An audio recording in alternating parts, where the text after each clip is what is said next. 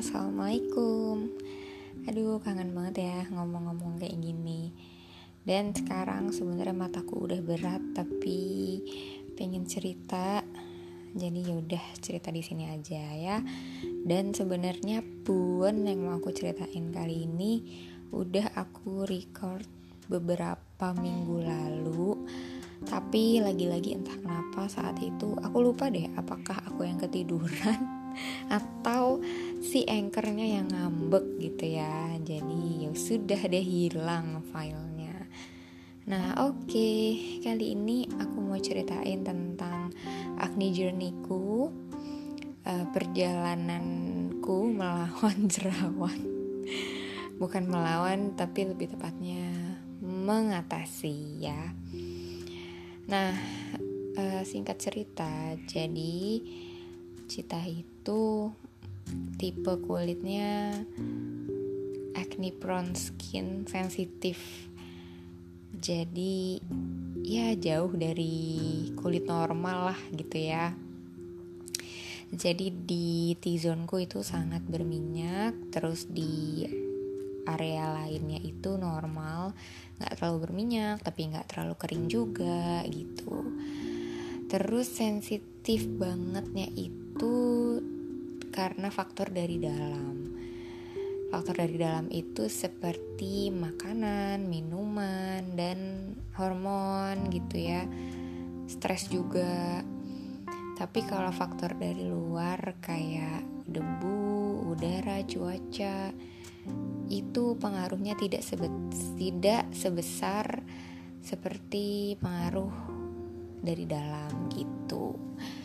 Nah, pertama kali mulai berjerawat itu waktu kelas 9 kelas 3 SMP itu belum banyak jadi itu baru satu atau dua gitu. Dan itu besar-besar gitu kan. Sementara waktu itu teman-temanku belum banyak yang berjerawat gitu. Jadi kayak apa ya on point banget gitu ya dan di umur segitu kan uh, masih ABG banget gitu. Umur berapa sih kalau kelas 9 tuh? Hmm, berapa ya? 14 iya gak sih? 14 15 lah ya. Nah umur-umur segitu kan kayak masih yang uh, sering diledekin gitu-gitu kan. Walaupun memang ledekinnya nggak dari hati tapi yang diledekin kena di hati gitu nah namanya anak ABG diledekin apalagi fisik gitu kan itu kan enak banget ya. Uh, jadinya waktu itu ya pengennya yang instan-instan aja gitu. Dan saat itu medsos belum se booming sekarang. Walaupun udah ada Friendster dan Facebook. Nah buat kalian yang tahu Friendster fix kalian seumuran sama aku gitu ya. Jadi saat itu pengaruh medsos belum besar. Besarnya itu justru pengaruh dari iklan yang ada di TV. Ya kan? Karena saat itu masih nonton TV banget gitu. YouTube tuh udah ada tapi belum se booming sekarang gitu kan. Nah, akhirnya ketika ngeliat iklan di TV, iklan face wash gitu ya. Kenapa aku spesifik face wash? Karena saat itu pun belum booming skincare skincare yang kayak sekarang. Gitu. Jadi iklan yang ada di TV apa sih? Paling face wash atau masker biasanya kan? Udah itu aja gitu. Nah itu kemakan banget tuh sama iklan-iklan itu. Akhirnya uh, sering banget gonta-ganti kayak aku pakai ini ah coba kemarin habis lihat iklannya kayak bagus gitu. Terus nggak cocok ganti lagi. Ganti lagi gitu. Akhirnya justru sekarang aku baru sadar ternyata itu yang uh, salah satu penyebab yang membuat jerawat itu justru semakin parah gitu. Seandainya dulu nggak ngikutin iklan banget sebenarnya nggak boleh sih seandainya seandainya gini. Ya karena nggak baik ya. Tapi ya udah buat cerita aja ke, ke kalian gitu. Kalau misalnya dulu tidak se ekstrim itu mungkin ya mungkin akan tetap berjerawat juga. Tapi tidak parah dan tidak terlalu lama gitu. Tapi ya udahlah udah pengen lagi kan oke terus masuk ke SMA nah itu makin parah lagi gitu makin banyak. Sebenarnya kalau misalnya dipikir-pikir ya di umur segitu kan wajar banget sih kalau berjerawat gitu.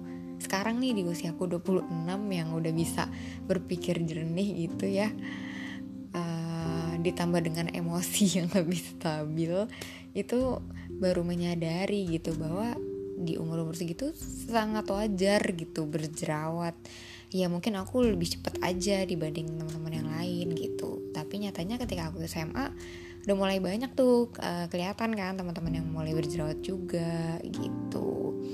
Memang masanya gitu yang salah adalah um, apa ya yang salah adalah hasrat anak ABG itu pengennya instan-instan gitu kan. Dan biasanya agak batu. Jadi omongan orang tua itu nggak terlalu didengarin gitu. Apalagi untuk anak-anak yang seperti aku yang tidak punya privilege untuk perawatan mahal gitu kan. Nah jadi kayak merasa nggak bisa nih perawatan yang mahal banget gitu kan. Yang ampuh banget. Jadi ya udah cara termudahnya adalah dengan mencoba produk-produk murah yang ada di pasar gitu. Oke, okay, terus uh, waktu SMA itu aku uh, kenal sama salah satu teman aku yang kebetulan tantenya itu dokter kulit. Uh, si teman aku ini juga berjerawat parah kayak aku dan dia tuh mendingan. Lalu dia merekomendasikan uh, skincare racikan tantenya gitu. Dan kenapa aku mengiyakan dan aku berani juga karena ya itu teman aku gitu. Dan dia nggak mungkin bohong gak sih? Karena aku tahu orangnya juga gitu ya. Nah yaudah akhirnya aku coba dan memang uh, yang waktu itu dikasih itu krim malam dan krim siang. Dan memang bentuknya itu racikan ya. Botolnya juga botol racikan dokter lah kayak teman-teman yang tahu gitu. Nah uh, waktu itu yang aku rasain adalah uh, berefek gitu ya. Tapi kalaupun misal aku nggak pakai krimnya itu nggak menimbulkan masalah baru. Jadi definisi nggak cocok untuk aku adalah ketika aku pakai sesuatu kemudian menimbulkan masalah baru. Nah itu nggak cocok. Tapi kalau misalnya aku pakai terus nggak ada efek positifnya bukan nggak cocok tapi lebih ke ya nggak ada perubahannya aja gitu kan. Nah si krim yang dari teman aku ini aku coba dan memang uh, lumayan berefek cepet. Bukan nggak cepet juga sih sebenarnya tapi mengurangi jerawat aku yang parah itu terus aku stop. Ternyata nggak aman apa gitu. Kalaupun muncul jerawat lagi ya itu jerawatnya sama seperti kemarin-kemarin gitu. Nggak yang terus makin parah atau bentuknya aneh-aneh gitu ya. Gitu. Nah terus uh, SMA itu temen aku masuk IPA terus aku IPS kan. Terus kita beda kelas akhirnya nggak deket lagi dan akhirnya aku nggak pakai lagi lah si krim itu gitu. Uh, setelah itu gimana? Setelah itu mukaku berjerawat lagi. Karena gini uh, berjerawat laginya itu bukan karena ketergantungan ya. Kalau aku tuh nganggapnya lebih ke wajah itu dirawat kan. Jadi ketika nggak dirawat ya ya bermasalah gitu. Ya nggak sih? Kayak misalnya kita uh, mandi. Gimana ya bahasa ini ya? Misalnya kita mandi nih kan tujuannya untuk membersihkan badan kan. Nah kalau misalnya uh, besok-besok kayak kita nggak mandi seminggu gitu ya kan otomatis badannya lengket bau gitu loh. Sama nggak sih analoginya? Semoga sama ya dan semoga aku bener deh. Gitu lanjut ya. Uh, nah pokoknya di tiga tahun masa SMA aku itu jerawat aku uh, masih bisa dibilang parah gitu ya. Di akhir-akhir SMA baru mendingan gitu tapi mendingannya pun nggak yang kinclong terus mulus cantik gitu. Cantik sih tapi ada jerawatnya. Pede banget. Tapi tetap ada gitu loh teman-teman jerawat jerawatnya terus uh, masuk ke kuliah. Nah uh, ketika aku kuliah itu terutama maba itu masa-masa aku stres banget. Masa-masa di mana uh, ya kacau banget lah pokoknya saat itu ya. Aku merasa mentalku tidak sehat gitu ya saat itu karena capek, pusing, stres, mikirin kuliah, mikirin ini, mikirin itu gitu. Pokoknya yang udah tahu uh, ceritaku, yang mungkin udah dengerin episode-episode sebelumnya, tahu ya ceritaku gimana, pengalaman aku, perjalanan aku, seperti apa gitu ya.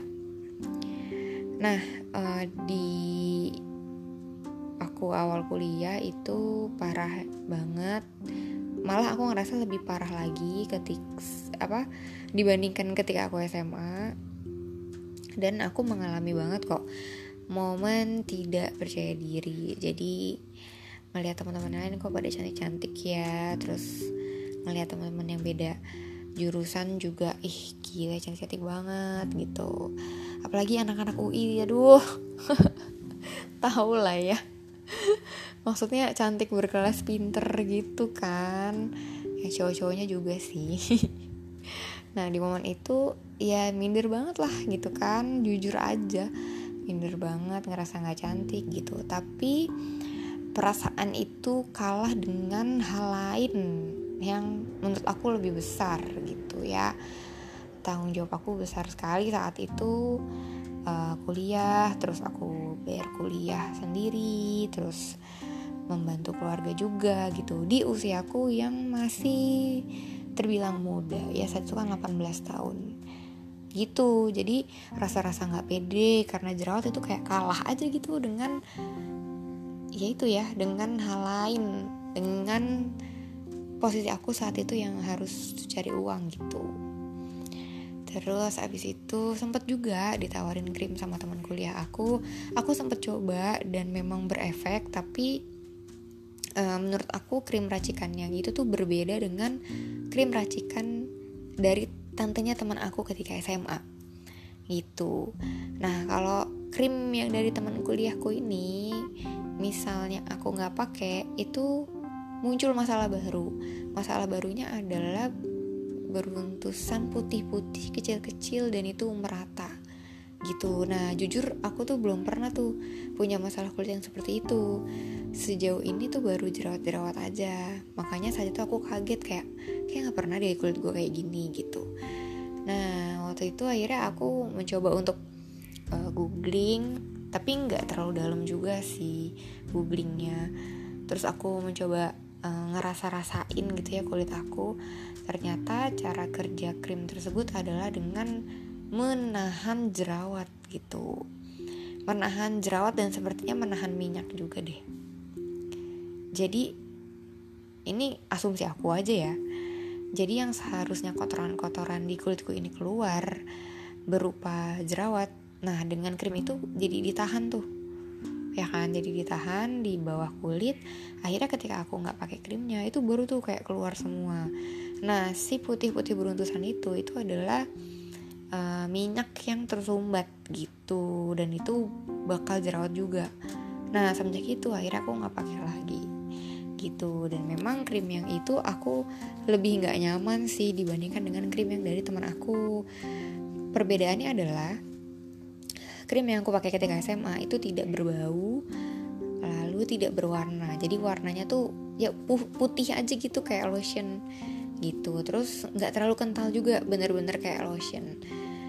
Nah kalau yang krim aku pakai ketika kuliah itu e, berbau lalu warnanya tuh kuning gitu ya terus kental banget. Nah mungkin teman-teman ya yang udah melek skincare bisa berasumsi sendiri ya gitu. Ya udah akhirnya waktu kuliah aku nggak pakai uh, skincare yang spesifik uh, spesial untuk jerawat aku gitu. Karena aku merasa juga saat itu bukan prioritas aku ngurusin jerawat gitu ya. Terus abis itu aku mulai aware dengan jerawat aku adalah ketika uh, mau lulus kuliah deh kalau nggak salah. Lagi skripsian apa ya? Pokoknya udah tingkat akhir lah. Itu baru melek tuh soal jerawat. Nah apa sih triggernya kayaknya aku di next episode aja deh ceritainnya ya kan udah panjang banget 15 menit. Oke sampai sini dulu teman-teman. Lanjut di episode selanjutnya ya. Wassalamualaikum